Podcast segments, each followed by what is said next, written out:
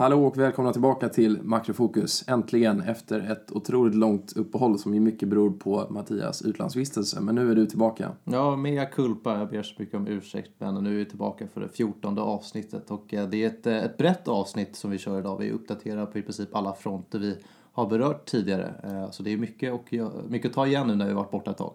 Ja, du har ju varit borta under alla dessa roliga händelser så nu blir det ju lite av en recap men det finns ju mycket aktuellt att prata om också. Så att idag så får vi väl definitivt ha prata om dystra börsen 2016, oljan, negativa räntor från fler och fler centralbanker, en sväng Kina också, fortfarande aktuellt. Och, och givetvis lite riksbanksnytt från Sebastian. Absolut. Men 2016 har ju börjat otroligt dystert för eh, börsen och eh, det var ju mycket som indikerade att man kunde få en, en setback ganska fort med tanke på att 2015 bjöd på rekord i antal buybacks som man ju också hade 2007. Eh, antalet takeovers, eller i eh, värde då, slog rekordet från 2007 och eh, också en rekordhög eh, margin debt i förhållande till BNP i USA som vi pratade i, i de sista avsnitten för 2015. Och eh, man har ju sett hur hela marknadssentimentet förändras ganska fort här och det blir ju lätt så att när börsen har gått upp under en lång tid så är alla positiva till allt. Men nu med några veckors nedgång så får ju dysterrävarna allt eh, mer plats. Och eh, ja, folk har ju börjat prata om bland annat Baltic Dry Index som ju nu är på rekordnivåer och Bloomberg drog någon rolig parallell om att det är nu billigare att hyra en Ferrari för en dag än vad det är att hyra en stor, en stor tanker som det här Baltic Dry Index då mäter kostnaden för att hyra tankers för att frakta råvaror. Och det är ju en liten rolig jämförelse. Ja, absolut, men eh, det ska säga att, att det här indexet, indexet har ju varit otroligt lågt under en väldigt lång tid och det beror ju mycket på att, att inför Kinas råvaruboom bland annat så investerades väldigt mycket i kapacitet och sen i takt med att Kina har dragit sig tillbaka från en stor del av råvarumarknaden så finns det ju en väldig överkapacitet. Och det finns ju inte så mycket man kan göra när man äger ett så här stort skepp utan det gäller att hyra ut dem till vilket pris som helst. Och därför då har det där uthyrningspriset kollapsat. Så man ska inte väga in det för mycket i de som använder det till någon form av doomsday saying. Men absolut så säger ju det lika mycket som oljeprisfallet eller priset på råvaror. Eh, vi kan väl, innan vi börjar kan vi väl lämna snabbt att integration inte blir något eh, ämne idag. Eh, det har inte hänt särskilt mycket på den fronten ur ekonomisk eh, synvinkel men under året så kan man ju vänta sig en, ett flertal stora reformer på, på området. Just nu så verkar det knaka en hel del i fogarna i, i regeringen. Eh, man såg ju migrationsminister Morgan Johansson kommentera den senaste prognosen från Migrationsverket med orden att han ville styra det åt den lägre siffran i det spannet medan Gustav Fridolin ansåg att all typ av åtstramningspolicy redan har genomfört som man kan göra i eh, in accordance with eh, eh, med de internationella lagar som Sverige har undertecknat. Så det verkar redan som att de inte är ense i regeringen. Men i vilket fall som helst så är det ju inte det ämnet vi ska prata om idag. Nej, som du sa så inget nytt på den ekonomiska fronten. Vi har ju fått lite av en catch-up-effekt vad gäller själva debattklimatet och det blir ju lätt så att när någonting väl kommer upp till ytan så kommer allting som har gömts under ytan upp samtidigt. Eh, men det kanske kommer en uppföljning i framtiden, får vi se. Men eh, nu gå till någonting mer dagsaktuellt, nämligen Ingves eh, reporäntebesked från idag då han sänkte räntan till minus 0,5 procent, vilket enbart Swedbank hade förväntat sig faktiskt. Och eh, Ingves har ju inför det här mötet också öppnat för valutaintervention ifall kronan skulle stärkas så mycket att det hotar inflationen. Så att han har ju blivit väldigt duvaktig på senaste tiden. Och eh, ja, då är frågan varför han sänkte så pass mycket då, alltså från 0,35 till 0,50. Om det kan vara på grund av eh, lönerörelsen eller liknande. Och det han säger på presskonferensen är att Riksbanken måste försvara förtroendet för inflationsmålet. Och, eh, Den här överraskningseffekten har en poäng i sig också. Absolut. Men jag tycker att det börjar bli lite bisarrt med att försvara förtroendet för inflationsmålet. För jag tror att det är väldigt få som ens idag har något förtroende kvar för inflationsmålet. Och så blir det ju också lite som Ulf Kristersson då, som är Moderaternas ekonomisk-politiska talsperson men också är en ordförande i riksdagens... Eh, Finansutskott då? Ja, precis. Som kommenterade och sa att det var lite som att jaga sin egen svans. Och eh, jag tror också att det öppnar lite för en kejsarens eh, nya kläder-ögonblick om några år. För det här är ju lite som att skjuta ut allt bränsle ur sitt jetpack för att kunna bevisa att man kan flyga och sen helt plötsligt när man har slut på bränsle och är på toppen så eh, finns det inte så mycket annat kvar att göra än att falla till marken. För att vad man gör nu är ju att trissa på den här belåningen som svenska hushållen håller på med just nu, vilket förhoppningsvis då, eller som Riksbanken ser det, kan driva på inflationen. Men vad som händer då när hushållens skulder faktiskt når en ohållbar nivå och får vi helt plötsligt en, eh, en bostadskris med priser som faller så skulle ju den här ökade skuldsättningen ordentligt kunna skada ekonomin. Och då finns det absolut ingenting som Riksbanken kan göra för att rädda oss från, inflation, eller från eh, deflation och deflationära krafter med tanke på att man redan ligger på negativ ränta och har ett stort QE-program. Så att det blir lite som att hålla på och trissa på för att vidmakthålla då ett inflationsmål som kanske är lite av en svunnen tid, vilket då börjar, borgar för kanske en, en större kris i framtiden där Riksbanken absolut inte har några medel alls för att kunna hantera det. Det, det är verkligen ett farligt spel. Men du, du har ju varit kritisk mot inflationsmålet tidigare och du har väl fått lite vatten på din kvarn då med tanke på den här utvärderingen av Riksbankens eh, eh verksamhet under åren 2010-2015 som, som gjordes av två engelska bankirer varav en, en lord till och med.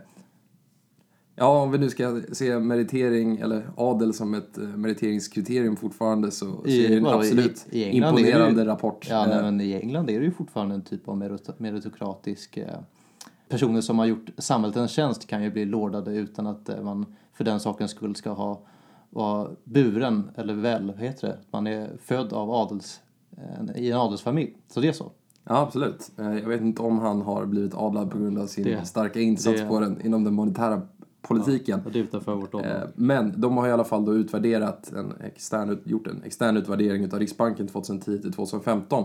Och eh, Riksbanken som bekant så höjde ju de räntan ganska fort där 2010 efter finanskrisen från 0 till omkring 2 och sen sänkte man den igen för att ja, man hade underskattat problemen kanske som skulle uppstå i, i eurozonen. Men den här rapporten säger ju också att baserat på de ekonomiska indikatorer som fanns då så gjorde väl Riksbanken rätt beslut. Sen var det lite senare som man kanske underskattade. Ja, i efterhand har det blivit väldigt kritiserat att man sjönk den här tillväxten i sank redan innan han startade. Men eh, att döma av deras eh, bedömning så, så kanske det inte var så illa med tanke på den datan de hade. Ja, så det var i alla fall en eh, liten schysst släng mot eh, Ingves. Men för att återkomma till det du sa om kritik mot inflationsmålet så sa ju den här rapporten i alla fall att, att man borde utvärdera inflationsmålet vart tionde år ungefär. Och just nu så föreslår man ett inflationsmål på, på 2% Men det börjar i alla fall öppna för att man kanske ska förändra den monetära politiken. Och det tycker jag absolut är positivt. Och jag har ju tidigare i alla fall öppnat för om man nu ska hålla kvar vid ett inflationsmål. Och nu har vi lite målat in oss i ett hörn som vi har pratat om tidigare för att när man har en så pass hög skuldsättning bland hushållen då är det ganska svårt att helt plötsligt sänka inflationsmålet från 2 till 1 procent. För att har du en hög skuldsättning då behöver du en hög inflation. Och det är på samma sätt som att du inte kan dra bort ränteavdraget över en natt så kan du inte heller sänka ditt inflationsmål för att det skadar de planer som hushållen har lagt vad gäller ja, fast ränta men eh, det jag har öppnat för tidigare är ju någon form utav People's QE då, som man kallar det. Alltså en, en direktutbetalning till folket snarare än att vidmakthålla det här systemet som bygger på att Riksbanken ska försöka driva upp inflationen genom att eh, köpa statsobligationer och sänka till negativa räntor, vilket framförallt driver upp eh, fastighets och eh, aktiekurser. Och eh, jag tycker egentligen att något som föreslogs utav två handelsprofessorer här i förra året som tyckte då att Riksbanken ska finansiera en utbetalning till alla medborgare i hela landet. Att det kan ju också leda till att folk räknar med att om man helt plötsligt belånar sig för mycket och så blir det deflation, att då ska man bailas ut på något sätt utav staten så att det kan få lite adverse effects eller vad man nu ska kalla det på.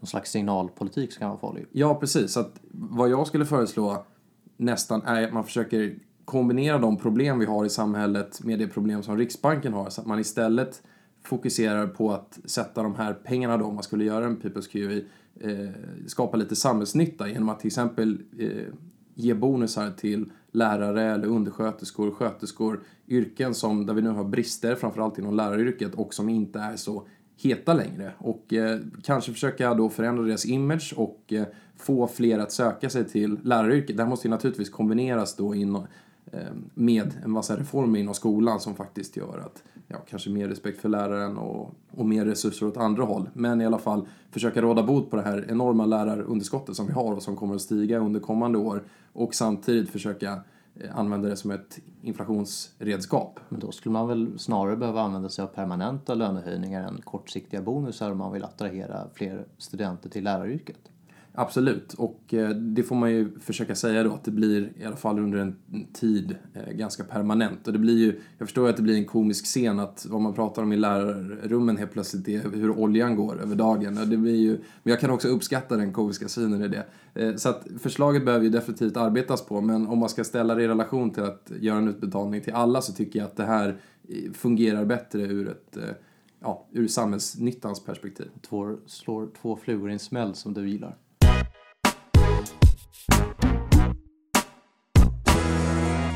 Men som vi också har pratat om, vilket är viktigt och som den här då oberoende rapporten tar upp, är att Riksbankens uppdrag har ju försvårats av att regeringen har haft en väldig obeslutsamhet när det gäller makrotillsynen. Och vi har ju pratat om att det var lite, sy lite synd om Ingves, för han har ju tvingats axla båda roller där han, han måste stå och prata om att skuldsättningen stiger alls för fort, men samtidigt så har han ett kanske förlegat inflationsmål på 2% som han måste uppnå. Och samtidigt så ska han försöka koordinera mellan de där två.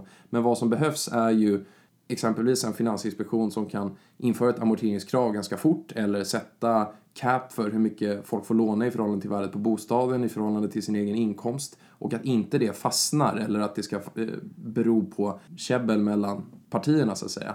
Och man diskuterar också hur makrotillsynen ska designas då, men eh, förmodligen så är det ju bättre att lägga makrotillsynen på exempelvis Finansinspektionen då och utöka deras befogenheter och samtidigt ska Riksbanken fokusera då på inflationsmålet.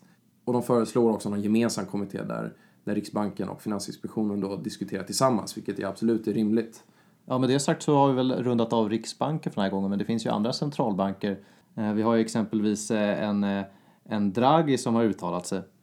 Ja, tack för den, Liden Mattias. Och det är också en av anledningarna som Ingves nämner till varför han måste sänka räntan idag. Det är ju för att fler och fler centralbanker, en efter en, så går de mot negativa räntor nu. Och den senaste som gjorde det var ju Bank of Japan och då ska man säga att det här var endast på de nya reserver som bankerna lägger och centralbanken så att det är inte en särskilt stor del utav reserverna som ens påverkas. Så att det låter lite värre än vad det är i alla fall Bank of Japans case. Och eh, Draghi har gått ut och varit eh, väldigt duvaktig och sagt att man förmodligen behöver överväga sin policy redan i mars, vilket marknaden förväntar sig betyder att man utökar QE-programmet och kanske en räntesänkning. Och det här lägger ju en väldig press på Ingves naturligtvis, eh, i och med att eh, Europa är vår eh, viktigaste handelsmarknad. Och man kan ju också säga att redan nu, ett par månader eller en månad efter eller räntehöjningen som Fed gjorde så har det ju börjat diskuteras negativa räntor i USA och huruvida det skulle kunna vara ett, ett policybeslut. Och just nu så verkar det som att de är mer benägna att i framtiden införa negativa räntor än att köra ett fjärde QE-program. Och det här är ju absolut inte i närheten utan nu, nu är ju Fed fortfarande, som Yellen när hon eh, vittnade inför kongressen igår så sa hon ju att hon fortfarande ser framför sig räntehöjningar under året. Men både hon och flera utav ledamöterna i FOMC har ju gått ut och varit mer duvaktiga och sagt att den här marknadsturbulensen och börsoron kanske gör att man måste ta det lite långsammare. Men hon tog inte bort mars från schemat eh, vad gäller höjning. Men jag tror att precis som i december så vill ju Fed att marknaden ska vara guidad till över 50% med att de räknar med en räntehöjning i alla fall. Jag tror att i december så var det ju en 70-80% som, som verkligen räknade med att det skulle komma en räntehöjning och då chockar man ju inte marknaden på samma sätt. Nu på Fed Funds eh, Futures så räknar man ju knappt in någon räntehöjning överhuvudtaget för 2016. Och eh, det är väl därför som gällen fortfarande lite måste guida åt det hållet och mars. Sen kan det vara så att eh, för att behålla sin trovärdighet så måste de genomföra åtminstone en räntehöjning till i, i, i mars eller under året. För det blir konstigt om man genomför en och sen helt plötsligt får ändra sig. Det blir ju som att, att erkänna sina egna brister på direkten. Men jag tror att hon ändå måste vara lite hawkish framöver och inte alltför duvaktig trots att det är en väldig marknadsturbulens. Eh, för att man då ändå ska ha guidat marknaden någorlunda så att man inte räknar med att det är en 10% sannolikhet för höjning och så helt plötsligt så drämmer man till med det när det redan är marknadsturbulens.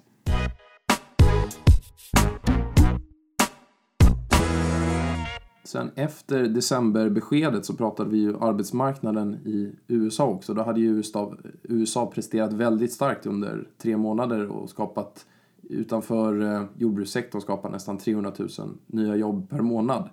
Eh, och eh, man ska ju säga det att employment är ju också en, en lagging indicator på ekonomin och inte en leading indicator. Det vill säga att den kommer efter ekonomisk aktivitet snarare än före som då en förvarnande, förvarnande indikator.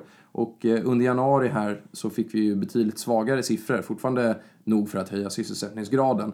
Eh, och det var också positivt då att arbetslösheten föll till 4,9 från 5 samtidigt som deltagandegraden i ekonomin stiger, för då blir det ju inte en artificiell effekt. Men eh, ungefär till hälften av det senaste tre månaders snittet, lite över det med 151 000 nya jobb. Så att det är absolut inte lika starkt som, som tidigare. Men man kan ju säga att den här rapporten, den är ju, det var inte dåligt nog för att eh, man ska kunna peka ut att Fed hade fattat fel beslut, utan det blir mer viktigt att se hur det artar sig framöver. Och sen det folk har uttryckt oro över på sistone är ju mer hur börsen har gått. Men om vi ser lite på sikt då, vad, vad tror vi ser för centralbankspolicies eh, under året och framöver? Jag tror att Ingves han kommer väl eh, följa vad ECB gör mycket. Och ECB eh, e har ju hintat om mer easing så att det kan vi definitivt få se. Och nu efter den senaste kraschen i europeiska banker och europeiska aktieindex har det till och med gått rykten om att ECB kan gå ut och köpa aktier på marknaden. Så att vi går väl absolut kanske mot ett utökat QE-program och eh, kanske ännu fler åtgärder. Och eh, Fed, som jag påbörjade här då tidigare, kan vi ju säkert få se en eller fler höjningar i år. Även om ekonomiska indikatorer kanske inte pekar mot att man borde göra det. Sen ska vi komma ihåg att det är ju ett valår i USA också så att Fed har inte hur stora svängramar som helst.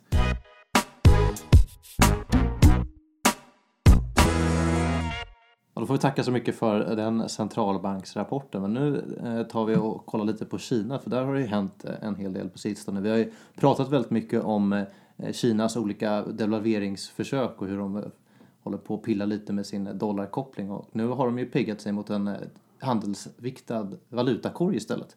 Vad har det för implikationer? Ja, mycket av den senaste tidens börser grundar sig ju faktiskt i Kina också. Som du säger så har de ju från en början följt med via peggen mot dollarn då upp och stärkts kraftigt och samtidigt så har man ju då sett en fallande inflation och det behöver ju inte Kina heller som ju snabbt har byggt upp en, en stor privat skuld.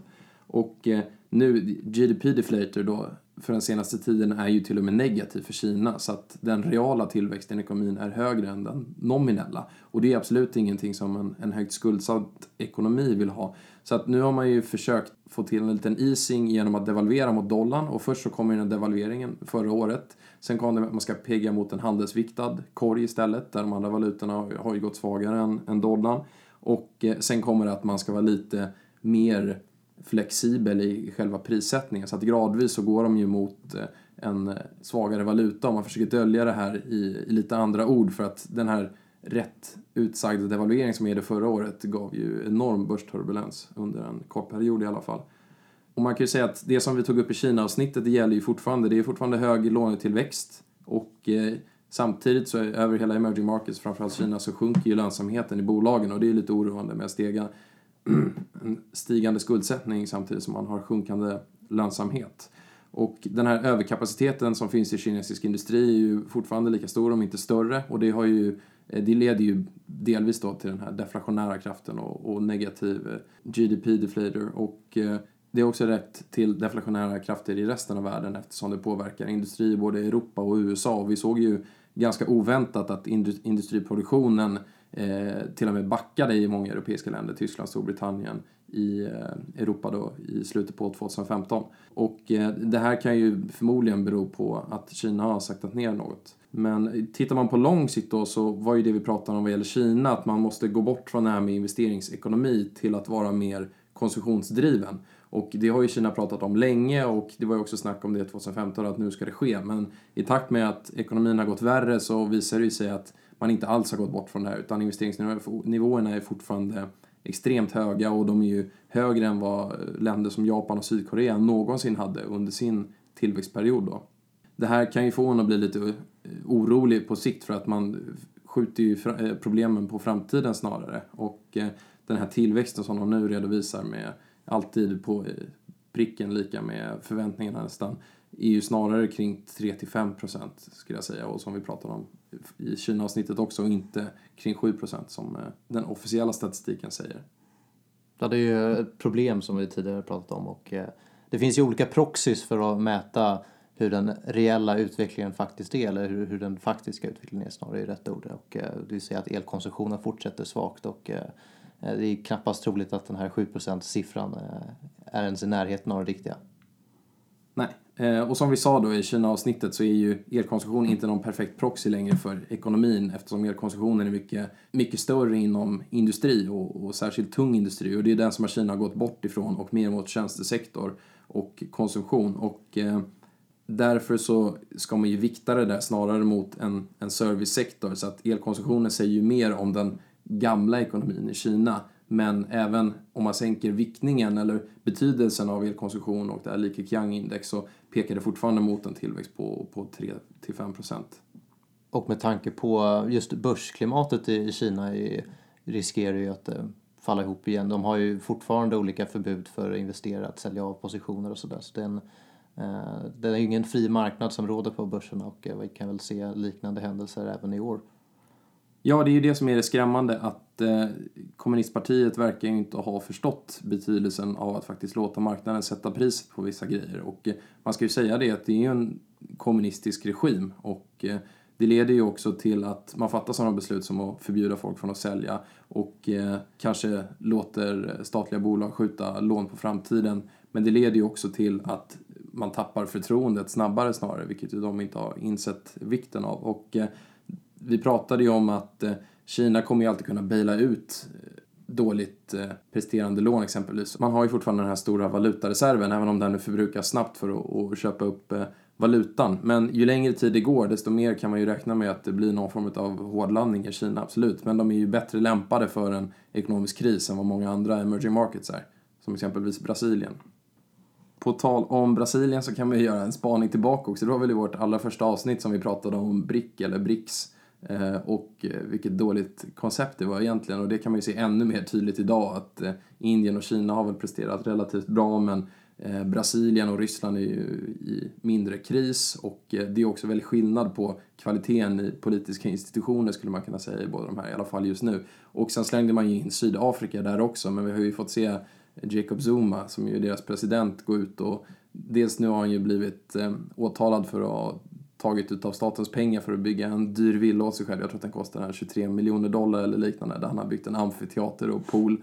Och nu ska han betala tillbaka en del av de här pengarna. Men han är också väldigt dåligt lämpad för att styra landet och han, i december så var det väl han bytte finansminister tre gånger. Ja, en väldigt dålig ovana om man vill eh, försöka investera om att man har en vettig ekonomisk politik. Ja, och någon gång förra året så sa han ju också att råvaror ska kosta så mycket som det kostar att ta dem ur marken. Så att han verkar inte ha någon uppfattning om marknadsekonomi heller.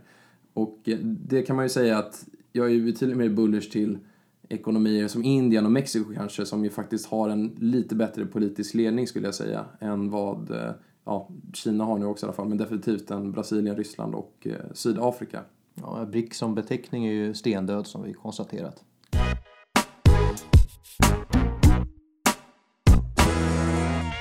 Ja, så ska vi givetvis också ta upp eh, oljepriset och eh, det enorma fallet vi, vi har sett och ser. Idag är VTI på 26 dollar. Det är ju otroligt anmärkningsvärt. Det är ju ett pris vi inte sett sedan 2004.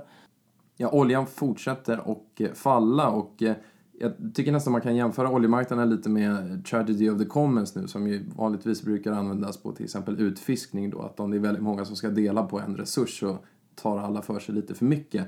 Eh, och det är ju inte en solklar koppling men vad man väntade sig i takt med att oljepriset skulle falla var ju att många länder skulle sänka sin produktion och då framförallt USA. Men problemet är ju att många av de här länderna som producerar mest olja dels ligger i statliga bolag då man har Brasilien, Kina, Ryssland. Där är man starkt beroende utav intäkterna från oljan, framförallt i staten.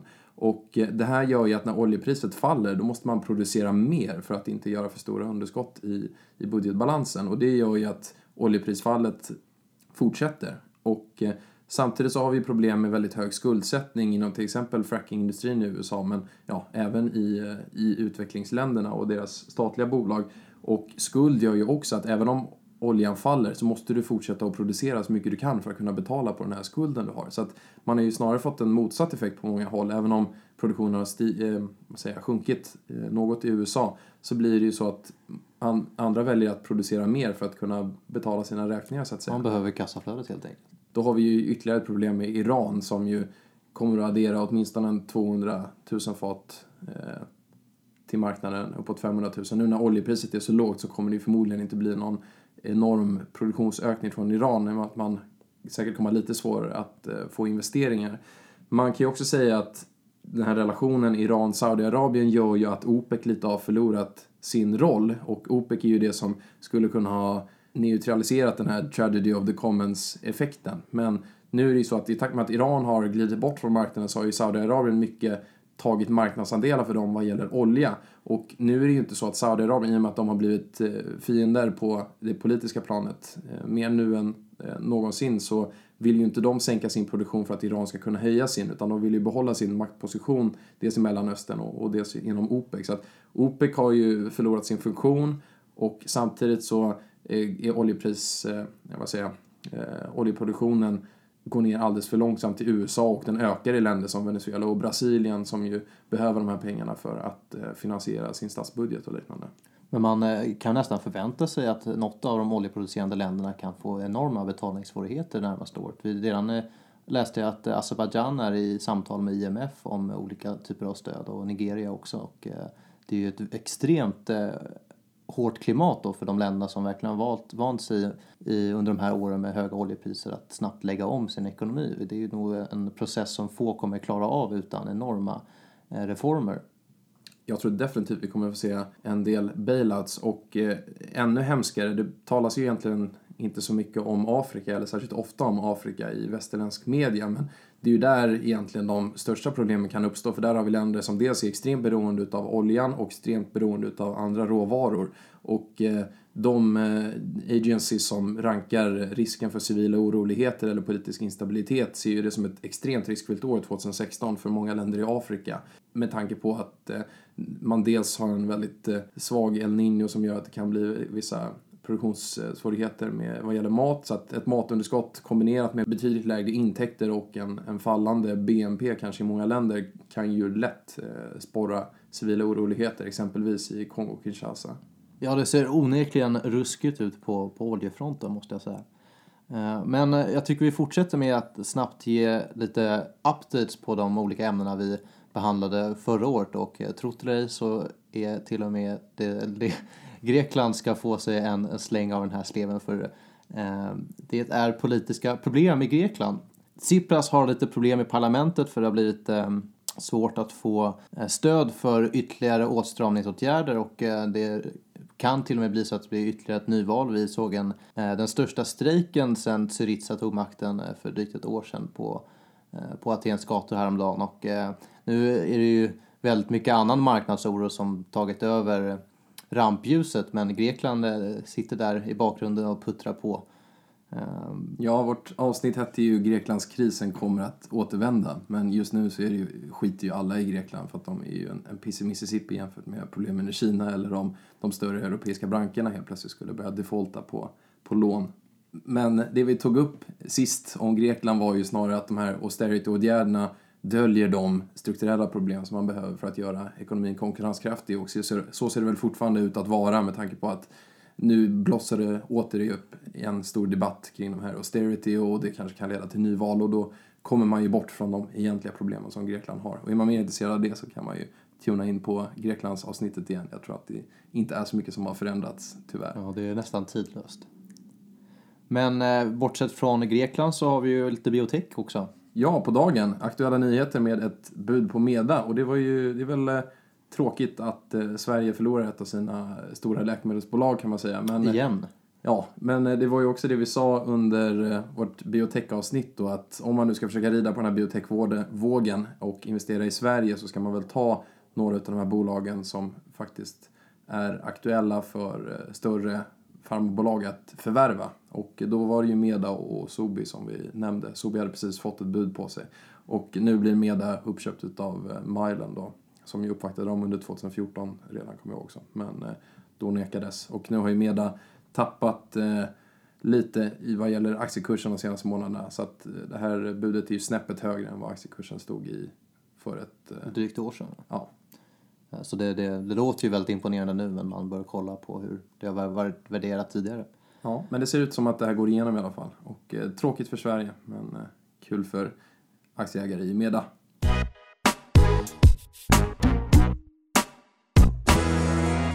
På råvarufronten har vi redan berört olja men eh, man kan väl prata lite om guld också som haft en, ett, en imponerande januari månad minst sagt. Eh, mycket till följd av den allmänna börsoron kan man väl säga.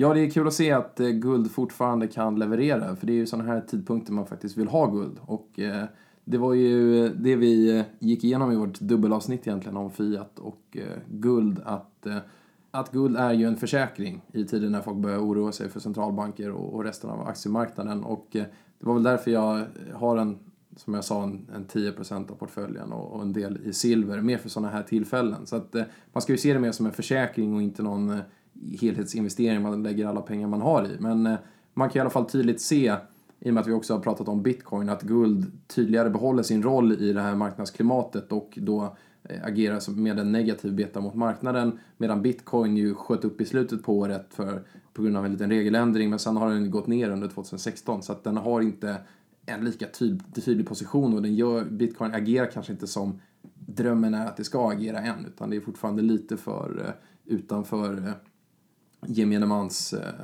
vad ska man säga, investeringshorisont. Ja. Men givet det du säger om guld och silver och med tanke på börsklimatet. Är det en liten köprekommendation jag hör eller? Nej, jag vill väl inte rätt ut rekommendera folk att köpa guld och, och silver nu och särskilt inte när det rallat med en, en 15 procent den senaste tiden. Men om man inte har någonting så kan man ju absolut ackumulera någonting på sikt, en liten del av eh, portföljen. Mer som en försäkring som sagt. Ja, det låter ju, det låter ju klokt. Men eh, med det sagt så kan jag väl inleda segmentet om eh, börsslakten 2016 och eh, framförallt vad som har skett de senaste dagarna då. Banker i allmänhet och europeiska banker i synnerhet har råkat ut för en hel del rykten om huruvida det kan betala kupongerna på de så kallade Coco-bondsen. Och det är framförallt Deutsche Bank, eller Deutsche Bank som har hamnat i, i rampljuset och de ansåg sig nödgade att kommentera det hela utifrån marknaderna. Eh, och Coco Bonds har ni säkert läst om i dagspressen men man kan väl snabbt eh, recapa vad det faktiskt handlar om. Och det står för Contingent Convertible Bonds som är alltså vanliga bankbonds som säljs främst till professionella investerare men som då är contingent på att man kan lösa in de här vid specifika tillfällen då. Till exempel om en börskurs för banken skulle passeras så kan banken då lösa in det och det som är fiffigt med hela systemet är att eh, banken då snabbt kan städa en balansräkning från, från skulder då. Eh, det skapades ju efter finanskrisen då det blev väldigt mycket politiskt snack om att höja reservkraven för banker så att det här var ett sätt att eh, under goda tider kunna låna in pengar och sen ifall det skulle gå dåligt för banken att man börjar närma sig en, en gräns för eh, reservkrav då att man snabbt kan bli av med skulden från, från balansräkningen. Och just den här möjligheten då gör ju att det är en rätt riskfylld Eh, Eh, bond och det är höga räntebetalningar som för att investerarna ska lockas av det hela. Och eh, just de här höga räntebetalningarna har ju gjort att man ifrågasatt Deutsche Banks eh, framtida förmåga att betala de här. För som det ser ut nu så tjänar ju bankerna inte särskilt bra med pengar. Nej, och de här bondsen skapades ju också för att föra bort risken från skattebetalarna till investerarna faktiskt. Så att det inte ska vara så att staten ska behöva gå och bila ut de här om man inte nu kan betala tillbaka. Utan istället att Eh, man då ska kunna dra av en kupongbetalning som då inte kommer att skjutas upp på framtiden eller att man defaultar på det här bondet men att det, det hela faller istället på investerarna. Då. Och det är ju ett ädelt ändamål faktiskt. Ja, så det är ju positivt att i alla fall att det här då första lagret eller vad man nu ska säga faktiskt hintar om att det kanske börjar bli lite problem med banken och att det inte sker på någon annanstans eh, i systemet. Så att då fyller ju ändå de här bondsen sitt syfte på något sätt, även om det då är, är oroande att det ens ska behöva ske. Eh, men eh, ja, som du säger så har ju Deutsche gått ut och sagt att det finns inga problem överhuvudtaget och eh, även Wolfgang Schäuble var väl ute och, och sa att det inte Schäuble. var... Schäuble var ute och sa att det inte alls var några problem. Men jag, jag kommer inte ihåg vem det var som skrev det, men det var en rolig jämförelse med att antingen när centralbanker eller när staten går ut och säger att det är absolut prima med bankerna, då det är ungefär som att när ens mamma säger att du är helt perfekt. Så att då är det väl, eller då finns det ju fog för oro, kan man säga. Ja, eh, antingen säger man, kommenterar man inte och låter oron kvarstå eller så kommenterar man och så blir oron ännu värre. Det, det är svårt där. Men eh, bortsett från, eh, från Deutsche Bank har ju även andra stora europeiska banker fått, fått sig en smäll. Det finns vissa banker som är lite mer eller har lite större exponering mot just de här typen av instrument. Då. Jag läste om Santander och Barclays. Ja, hela den europeiska banksektorn har ju fått sig en väldig smäll egentligen och, och senast idag så var det ju Société Générale som levererade en riktigt dålig rapport. Och en del av problemet som jag nämnde lite tidigare här är ju att man har ändå en exponering mot energisektorn och exempelvis eh, eh bolag i emerging markets som ju nu har problem både på grund av det fallande råvarupriset, oljan och, och Kina exempelvis. Och eh, det finns ju också ett lite bigger picture som man nu har börjat diskutera. Och eh, någon som är intressant att lyssna på är, är faktiskt chefen för Bundesbank då, eh, Jens Widman, eh, som är ju då också en del av ECB, men han har under en lång tid varit väldigt kritisk mot eh, ECBs väldigt lösa monetära policy. Och, och jag vet att han gick ut för redan en månad sedan och sa att de här negativa räntorna det gör det väldigt svårt för bankerna att nå någon lönsamhet. Och, och de har redan problem. Och det är det jag har fått se att eh, bankerna får ju väldigt, det blir ju väldigt låg skillnad mellan räntorna på långa och korta produkter och det gör ju att bankerna inte riktigt kan tjäna pengar i och med att räntonettot är så pass lågt.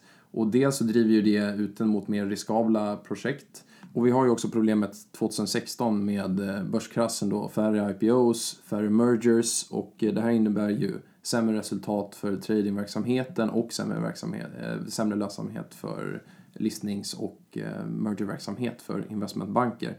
Och med det och den negativa räntan då så dras ju den här typen av problem upp till ytan med betalningsförmåga för mer riskabla bonds och särskilt för europeiska banker då som ju inte riktigt har rensat ut eh, från eurokrisen som blommade upp 2011. Och eh, på det sättet så är ju svenska banker absolut mer stabila idag och de har ju också lite mer utav en lånefest än vad övriga europeiska banker har.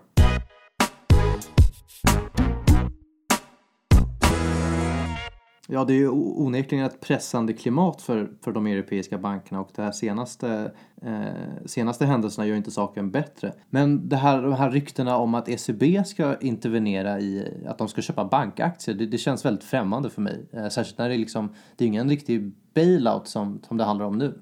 Nej, men jag tror fortfarande inte man ska räkna ut det helt och det kan ju bli så att ECB går ut och köper bonds också för till och med nu så börjar man ju få ont om bonds att köpa. Och fortsätter det på det här så läste jag någonstans att man, man köper ju två gånger så många statsobligationer som det faktiskt eh, ges ut. Och det gör ju att gradvis så sitter ju centralbanken på en större och större del av den totala summan utestående statsobligationer. Och eh, det här för en ju till tanken om monetarisering av skuld egentligen och på sikt så tror jag definitivt att det, det kommer bli en, en snackis för att eh, nu går jag bort lite från din initiala fråga här, men Bank of Japan är ju allra värst nu när man sitter på hälften av alla ETF och en stor del av statsobligationerna. Men vad som egentligen händer nu är att centralbankerna äger en väldigt stor del av statens skuld och det innebär ju att staten betalar räntan på skulden till sig själv och det innebär ju att vi i alla fall temporärt har monetariserat våra statsskulder. Och om vi inte kommer ut ur det här problemet utan centralbankerna kommer att fortsätta behöva köpa bonds och ha låga räntor och om vi helt plötsligt får en krasch längre fram av det här då kommer det definitivt bli en snackis huruvida centralbanken helt plötsligt ska skriva av de här skulderna. Är det det bästa? Det kan bli en snackis alltså. Och jag vill sätta det här på kartan nu eh, redan.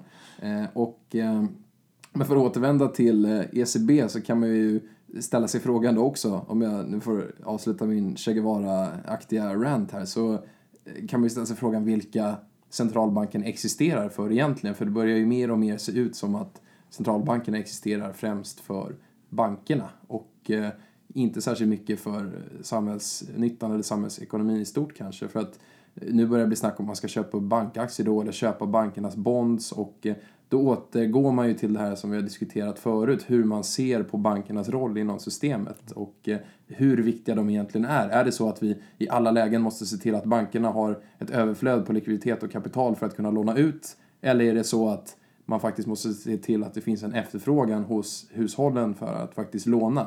Ja, jag tycker bankerna ska få göra nyemission som alla andra företag.